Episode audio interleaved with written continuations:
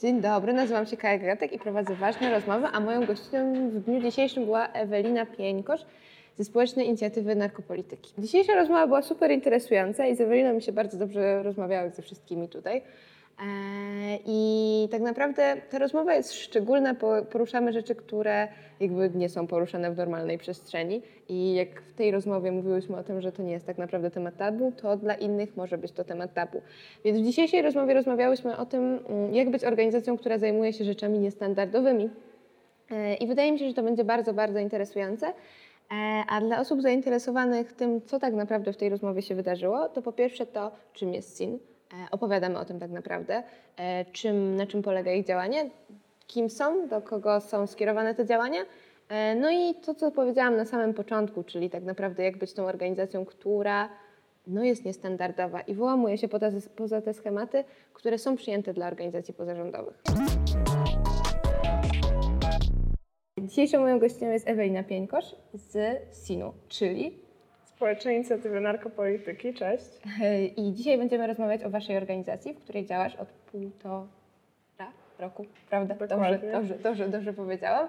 E, I jesteś członkinią komisji rewizyjnej. Dokładnie, i przewodniczącą. No to już, już w ogóle, no to jakby już wiesz na pewno wszystko o SIN-ie. Więc na samym początku, jeszcze zanim przejdziemy do tych kwestii, e, które chciałyśmy dzisiaj poruszyć w naszej rozmowie, jakbyś miała tak powiedzieć, czym tak naprawdę jest SIN? Dla takiej osoby, która nigdy nie słyszała nic o SIN-ie. Hmm, ciężkie pytanie. E, SIN jest takim trochę aniołem stróżem, który pomaga, pilnuje, edukuje i sprawia, że osoby os- otrzymują rzetelną odpowiedź na swoje pytanie i mogą się do nas zwrócić e, ze wszystkim tak naprawdę.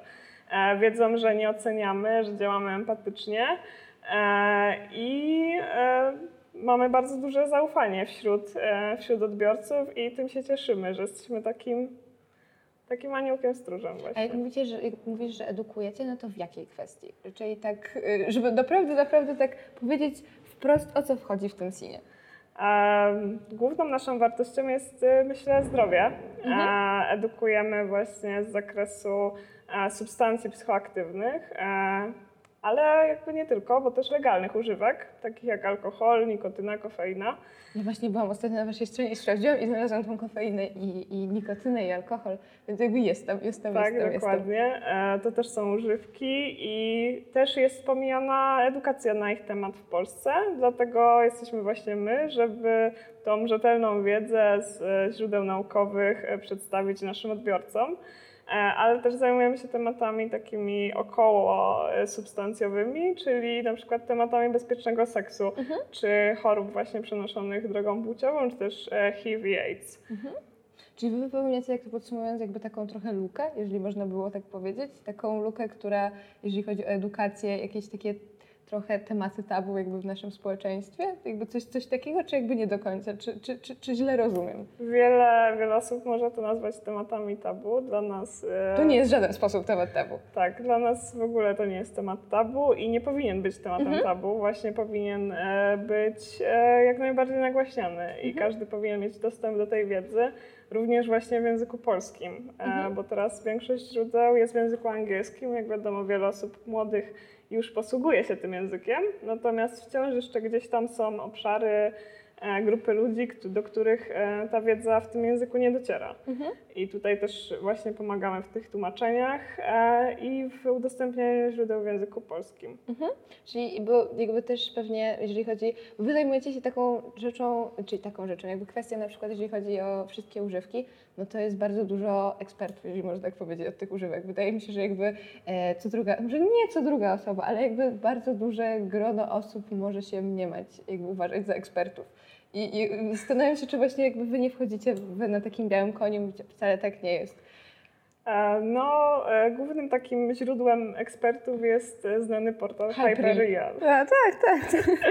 Tak, dokładnie. Można tam przeczytać bardzo ciekawe rzeczy, bardzo ciekawe porady i oczywiście wszystkie trzeba wziąć przez podwójny albo nawet potrójny filtr, ponieważ no, są to po prostu porady na doświadczeniach użytkowników, które nie powinny być stosowane w praktyce bez wcześniejszego potwierdzenia Mhm. jakimś innym źródłem. No i właśnie e, jest to ciężka praca, moderowanie takich dyskusji, moderowanie takich for, e, więc jakby nie podejmujemy się tego, ewentualnie gdzieś tam e, pojedyncze osoby. Natomiast jeżeli chodzi o nasz fanpage na Facebooku i profil na Instagramie, to wszystkie informacje, które tam się znajdują, są potwierdzone źródłami, są zweryfikowane przez naszych członków i wolontariuszy. No i też e, przede wszystkim e, potrafimy powiedzieć, że czegoś nie wiemy, jeżeli faktycznie nie wiemy. Mhm.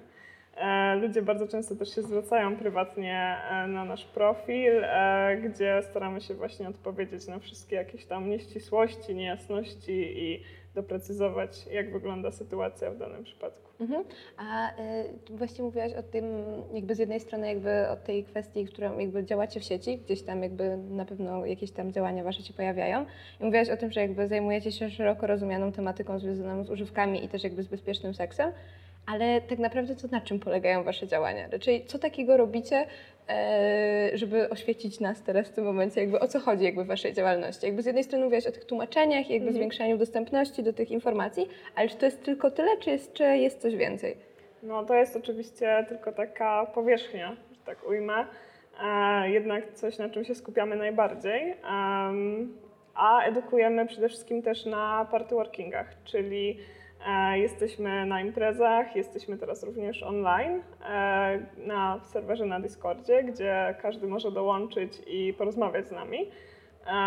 I właśnie w takich miejscach e, jest, pojawiamy się z wszystkimi niezbędnymi materiałami, takimi jak ulotki, takimi jak materiały profilaktyczne, testy kolorymetryczne, o których pewnie później jeszcze wspomnę, e, prezerwatywy, gumy do rzucia, owoce, woda itd., tak itd., tak czyli jakby wszystko, co może przydać się użytkownikom. A, także zapewniamy im strefę taką relaksu, odpoczynku, gdzie mogą porozmawiać z naszym wolontariuszem, mogą odpocząć, e, dojść do siebie w takiej sytuacji kryzysowej również. Mhm. Czyli jakby wy z jednej strony, jeżeli dobrze rozumiem, jakby z jednej strony jakby zapewniacie, jakby powiedziałeś, że to jest ta powierzchnia, jakby gdzieś tam ta edukacja i jakby udostępnianie i jakby edukowanie w takiej jakby normalnej formie, a z drugiej strony takie działanie, które jakby pomaga, jakby jesteście jakby jesteście gdzieś na miejscu i swoim działaniem i zaangażowaniem wolontariuszy, jakby, jakby chyba wolontariusze i wolontariuszki tak. jakby tam działają, jakby działacie, więc to jest taka dosyć skomplikowana chyba praca, jeżeli można tak to nazwać. Bo praca to chyba w jakiś sposób jest. No tak. E, dla niektórych nawet na pełen etat. E, no jest to z pewnością takie, my to lubimy nazywać działaniem typu outreach, czyli okay. wychodzeniem e, do naszych odbiorców tam, gdzie oni są. A więc naszą grupą docelową są głównie e, młodzież szkolna i młodzi dorośli, mhm. a więc gdzie ich spotkać? Na imprezach i w social media. Mhm. Dlatego tam staramy się najwięcej e, pokazywać, staramy się najwięcej edukować. E, oprócz profilu na Facebooku i Instagramie, o którym wspomniałam, mamy też kanał na YouTubie gdzie jest bardzo dużo materiałów, e, wykładów e, i różnych wywiadów e, na tematy właśnie, o których wspominałyśmy, ale też na przykład wykłady naszych członków, którzy są psychologami, wykłady o tym, jak, jak funkcjonuje ludzki umysł, jakie są psychologiczne aspekty zażywania, i stamtąd myślę też e, wiele można się nauczyć i dowiedzieć, niekoniecznie e, ucząc się o używkach, ale o gdzieś tam właśnie aspektach naszego mózgu. Mhm. A właśnie mam takie pytanie, jak mówiłaś właśnie teraz jeszcze o tej e, widoczności w mediach społecznościowych. I my rozmawiałyśmy jeszcze przed tym, co tutaj się teraz dzieje, bo ja też patrząc i szukając informacji na Wasz temat, weszłam na Wasz profil facebookowy i tam właśnie była informacja na temat tego, że jakby wygraliście z Facebookiem. E, jeżeli chodzi o... No nie wygraliśmy do końca. Ale jesteście na dobrej drodze, jeżeli chyba o to chodzi. Właśnie zastanawiam się, bo jak sobie myślę o właśnie Sinie, e, czy to... Bo jak powiedziałam o tym, że to jest w jakiś sposób jakiś temat tabu, tak mi się wydaje. Mm. Znaczy, jak dla mnie fajnie było, żeby go nie było. Że jakby wszystkie działania, które zmierzają do tego, żeby jakby zniwelować to, że to jest temat tabu, będą super. I jakby jest to genialne, co wy robicie i będę mówić o tym zawsze. E, ale właśnie czy jakby w takiej społeczności, bo też żyjemy w Polsce, jakby to nie, jakby też ma jakiś kontekst, jakby nie mówię o tym, że teraz Polska jest zła i jest okropna, ale żyjemy w takim, a nie innym kontekście, w którym jakby narkotyki, samo hasło narkotyki albo używki, które są jakby jednoznacznie, jakby nie mówi się, że używkami Mhm. jest alkohol, wydaje mi się jakby w mniejszym stopniu, ale używki i narkotyki, no jakby robi wrażenie. Tak. E, Jest, jest w ogóle ta normalizacja al- alkoholu, Tak. picia alkoholu, gdzie e, również właśnie spotykamy się z nieprzyjemnymi komentarzami ze strony osób, które alkohol zażywają, a no, nie uważają go właśnie za używkę. E, natomiast właśnie jeżeli chodzi o Facebook, to tak spotkaliśmy się tutaj z cenzurą po prostu. E, Nie możemy powiedzieć dokładnie, co było przyczyną zbanowania naszego konta. E, Natomiast domysły są takie, że po prostu e, Facebook, al- algorytmy bądź ludzie odpowiedzialni za, za filtrację e, uznał, iż promujemy substancje i sprzedajemy je. mhm. Zaczęło się to właśnie od grupy, gdzie użytkownicy ostrzegali siebie nawzajem o substancjach MDMA występujących na rynku, która tabletka, jaką ma zawartość e, i czy to jest faktycznie to, co kupili. Natomiast nie było tam żadnych ofert sprzedaży e, ani nic, nic podobnego. E, I zaraz potem poleciał nasz profil. E, No i teraz sprawa, sprawa wygląda tak, że polski sąd e, dzięki pozwowi złożonemu razem z Panoptykonem e, uznał, iż Facebook zobowiązany jest trzymać te, te zbanowane treści, wszystkie posty i nasze grupy e, do momentu rozwiązania sprawy. E, Nie może blokować naszych treści, ponieważ e, uznano, że jest to naruszenie zaufania naszej organizacji wśród odbiorców. No i sprawa będzie ciągnąć się dalej, tak? Jest jeszcze nierozwiązana, jeszcze nie wygraliśmy. E, Natomiast na razie będzie przeprowadzana zgodnie z prawem polskim, co już tutaj zapala światełko w tunelu, ponieważ właśnie przy e, cenzurze Facebooka jest problem, czy odnosić się do prawa lokalnego, e, Mhm. w przypadku Europy irlandzkiego, czyli tam, gdzie Facebook ma tutaj najbliżej siedzibę, czy kalifornijskiego. Mhm. I tak pozostaje tutaj jakby bez winy i pozostaje taki nietykalny w pewien Mhm. sposób. No i to jest jakby jeden z takich przykładów, a zastanawiam się właśnie, czy w jakiejś takiej normalnej rzeczywistości, normalnej, no nie wirtualnej, czy jakby też spotykacie się z jakimiś takimi em, sytuacjami, w których jakby jesteście traktowani, jakby czy to jest w ogóle jakby proste, działanie w takim obszarze? Yy, w, w, u nas jakby w Polsce i jakby w tej rzeczywistości, w której jesteśmy. No, nie jest proste. E, Wszystkie nasze działania, oczywiście, które podejmujemy, są zgodne z prawem polskim. No, nie zrobilibyśmy nic, e, co wykraczałoby poza nie, byłoby sprzeczne. A natomiast no, jesteśmy właśnie przez e, różne środowiska w ten sposób odbierani. Pod koniec właśnie 2019 roku wyszedł raport posła Kalety, który mówił o tym, że Pieniądze miasta Warszawy przeznaczane są na działania promujące narkomanię i środowiska LGBT. I miało to nawiązanie do działań nad e, Wisłą, Mhm. które prowadziliśmy my, czyli Społeczna Inicjatywa Narkopolityki, e, Fundacja Prekurs, tak, Fundacja Prekursor, e, Fundacja Edukacji Społecznej oraz Sex Work Polska. E, No i właśnie na tym wydarzeniu edukowaliśmy na temat bezpiecznego seksu, na temat substancji, rozdawaliśmy prezerwatywy, testy, e, no i, i wiele innych materiałów profilaktycznych, jak już wcześniej wspomniałam. E, No i te działania właśnie zostały uznane przez posła jako promowanie narkomanii i środowiska LGBT, co jest niezgodne gdzieś tam z no, jego w sumie personalnym światopoglądem. E, Natomiast gdzieś tam e, nie ciągnął się ten raport dalej za nami, ale był taką dość mocną e, szpilką wbitą w nasze działania. Staraliśmy się bardziej pilnować, jak wypowiadamy się w social mediach, staraliśmy się bardziej pilnować, w jaki sposób rekrutujemy naszych wolontariuszy, bo jednak e, obawialiśmy się, że gdzieś tam może pojawić się ta wewnętrzna inwigilacja. Mhm. Więc e, właśnie mimo tego, że, że nie robimy nic sprzecznego z prawem, to ciągle gdzieś to tam nas dotyka. I gdzieś e, spotykamy się też również z sprzeciwem wśród e, osób w naszym wieku bądź osób e, starszych, których e, poglądy są inne i którzy właśnie uważają, że skoro narkotyki są nielegalne, to po co ludzie mieliby się o nich edukować. Mhm.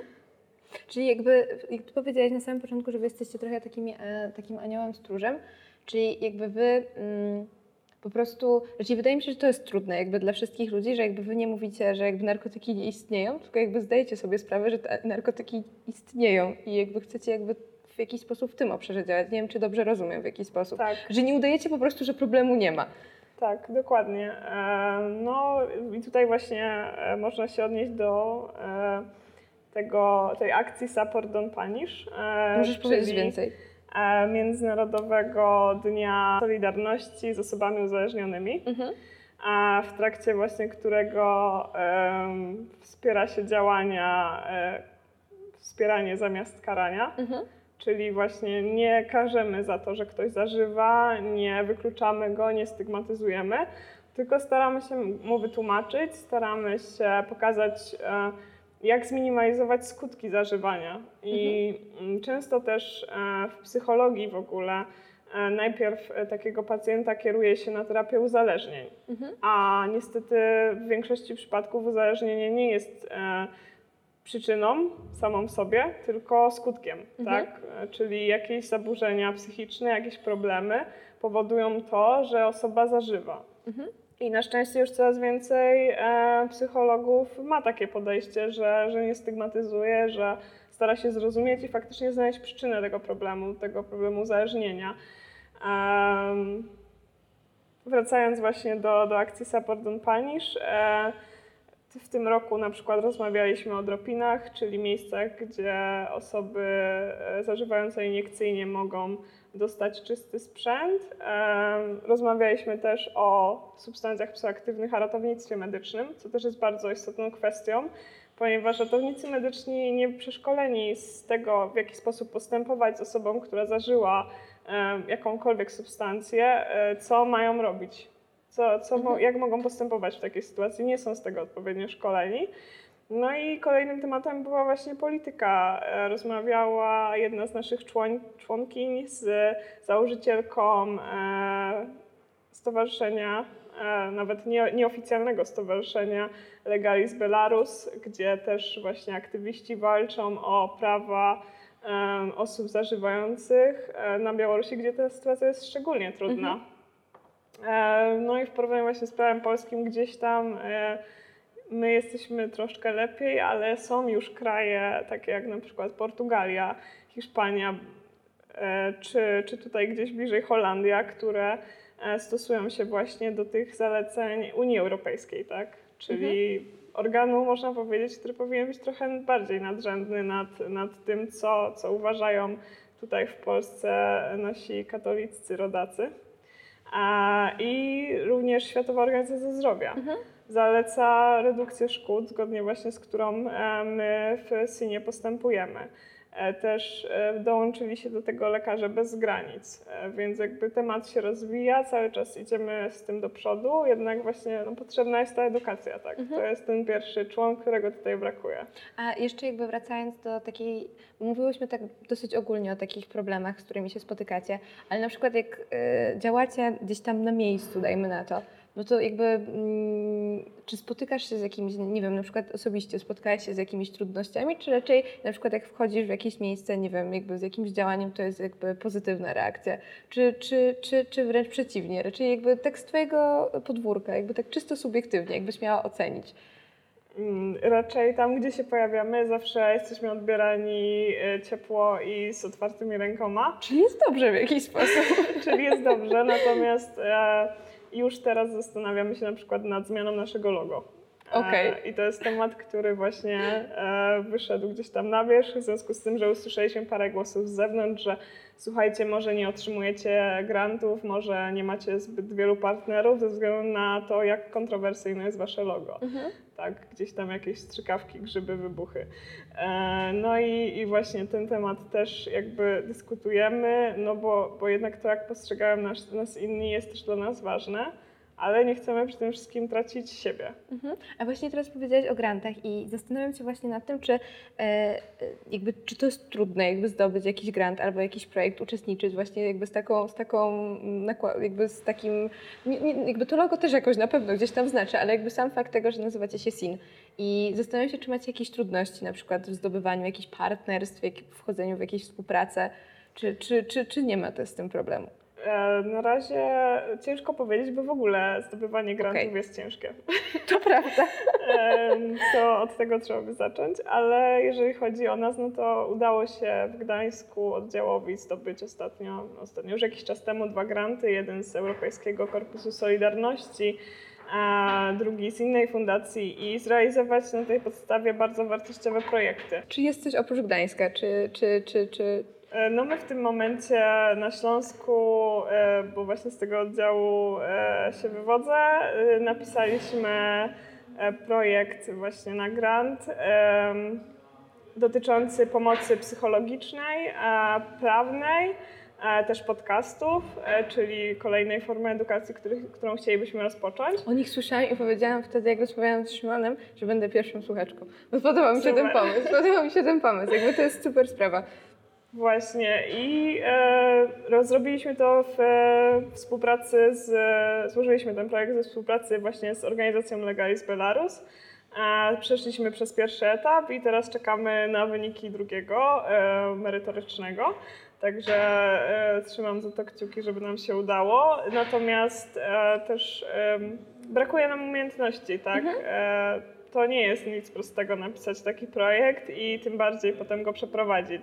W związku z tym teraz skupiamy się na e, działaniach edukacyjnych, szkolących naszych wolontariuszy, żeby odpowiednio ich przygotować do tych procesów. Mówiłaś właśnie o tym, że yy, chodzą też tam osoby przeszkolone w jakiś sposób, jakby to nie są osoby jakby z ulicy, które nagle mówią, że jakby chcą działać w cinie i chodzą na te różnego rodzaju. To się nazywa party Party working. Party working, dobrze, to się nazywa party working. Więc jakby chodzą na ten party working jakby osoby, które jakby mają jakieś doświadczenie bądź przeszkolenie. I właśnie zastanawiam się jakby jak wygląda jakby taki proces, na przykład jak przychodzi ktoś do SIN-u i jakby chce mówić, że chce działać, to jakby musicie mu dać jakąś taką wiedzę e, i jakby co, co, co, jakby jakie przeszkolenie, jakby o co w tym wszystkim chodzi. E, jest, e, pierwszym krokiem jest seria takich wykładów, która w sumie teraz jest z wykładami, była prowadzona na żywo online z naszymi właśnie doświadczonymi członkami i członkiniami, e, gdzie wolontariusze i wolontariuszki również mieli okazję zadawać pytania i e, wchodzić z nimi w interakcję. W tym momencie jest to e, zapisane nagranie, które jest dostępne na naszym kanale na Discordzie wewnętrznym. E, I pierwszym właśnie krokiem e, dla takiego wolontariusza, jeżeli chce się zaangażować w party working, jest e, obejrzenie tych materiałów, następnie wypełnienie testu. Po takim teście otrzymuje certyfikat i może uczestniczyć w party workingu, gdzie oczywiście też na początku uczestniczy, prowadzi go w jakiś sposób pod okiem bardziej doświadczonych osób. No i takie osoby mogą mu dać na żywo feedback, mogą zobaczyć jak pracuje, czy E, dobrze się sprawdza, czy potrzebuje jeszcze w jakimś obszarze e, się podszkolić po prostu. No i potem już e, rozwija się w jakiś sposób sam, tak?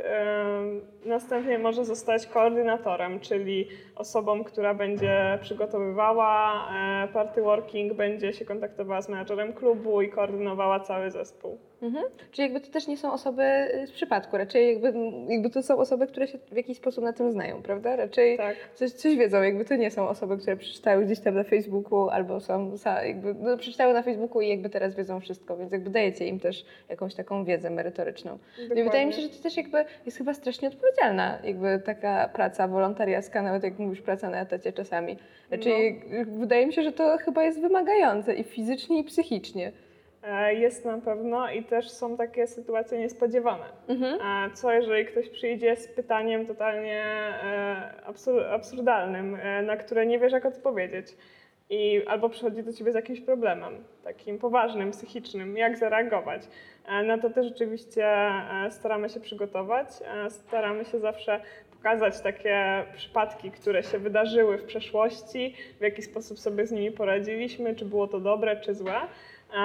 Ale wiadomo, że nie na wszystko da się przygotować. E, I też e, ciekawe jest właśnie to, że większość naszych wolontariuszy i wolontariuszek, e, które potem prowadzą takie party workingi, są po prostu naszymi gośćmi na takich stoiskach. Mhm. Takie pytanie dotyczące tak naprawdę jakiejś takiej wizualizacji nie wiem na ile jakby możesz, teraz mi totalnie przyszło do głowy i zastanawiam się nad tym, jakbyś miała sobie wyobrazić dzień, w którym jakby SIN nie musiałby już funkcjonować, to jakby raczej wiesz o co mi chodzi, bo jakby wy jesteście taką organizacją, która jakby działa, wypełnia tą lukę. Mhm. I zastanawiam się, czy, czy, czy, czy wizualizujesz sobie w, jakby w swoich jakichś takich marzeniach sytuację, w którym już nie będzie musiał działać SIN. Znaczy nie dlatego, że jakby się rozpadniecie czy w żaden sposób, jakby coś w tym rodzaju, że ten SIN już nie będzie działał jako tako, tylko że jakby nie będziecie musieli już działać. Czy jakby mhm. przychodzi ci w ogóle do głowy taka myśl, że jakby będzie już tak super, że nie trzeba będzie.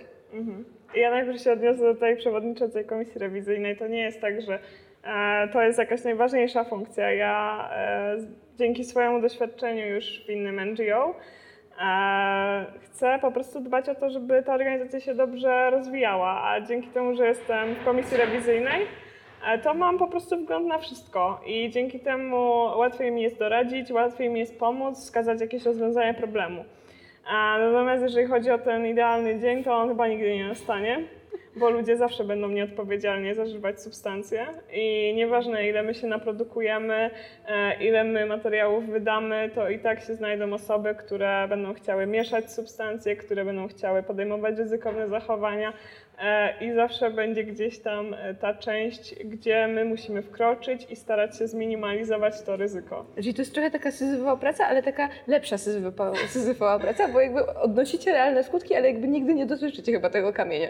Mamy przynajmniej e, świadomość, że osoby, które podejmują już takie decyzje, podejmują te ryzykowne e, zachowania, robią to e, mając wiedzę. Okej. Okay. Mhm. Czyli to jest ta, ten spokój, że ta osoba nie robi tego nieświadomie, tylko ona wie i ona to zrobiła na swoje własne ryzyko.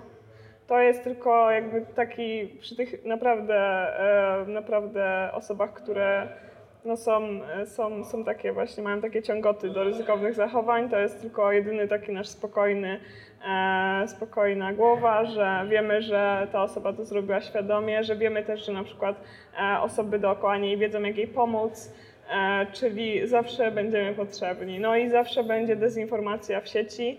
E, zawsze będą osoby, które będą promować ryzykowne zachowania i z tym problemem też e, staramy się zmierzyć aktualnie, ponieważ są mhm. influencerzy, którzy dezinformują młode mhm. osoby. E, no i wykorzystując swoją sławę w sieci, e, no, zachęcają, e, nie owijając bawełny, zachęcają do ryzykownych zachowań, którym my staramy się przeciwdziałać. Więc dopóki będą też takie osoby, dopóty my będziemy potrzebni, żeby gdzieś tam ich zgasić i powiedzieć, że to nie jest model zachowania przykładny. Nie, to ja właśnie zastanawiam teraz, jakby już tak kończąc, jakby nie wiem, czego wam w sumie życzyć jako synowi, bo jakby... Zmiany prawa na lepsze. To na pewno, to po pierwsze, ale jakby w sumie to jest niesamowite, bo sobie zdajecie z tego sprawę, że jakby nie zmienicie świata, jakby nie zmienicie świata, jakby zmienicie jakąś część tego świata, ale nie totalnie. I to jest w jakiś sposób, jakby dla mnie to jest jakieś takie super idealistyczne, jakby nie odmawiając, bo jakby to jest takie fajne. Czyli, że jakby zdajecie sobie z tego sprawę i że nazywacie rzeczy po imieniu. I, i ja was podziwiam, bo jakby robicie naprawdę niesamowitą robotę, jeżeli chodzi o to. I ja bardzo jeszcze raz bardzo, bardzo dziękuję za tą rozmowę, bo była super i zapraszam do słuchania i oglądania. To jest fajne. Dziękuję.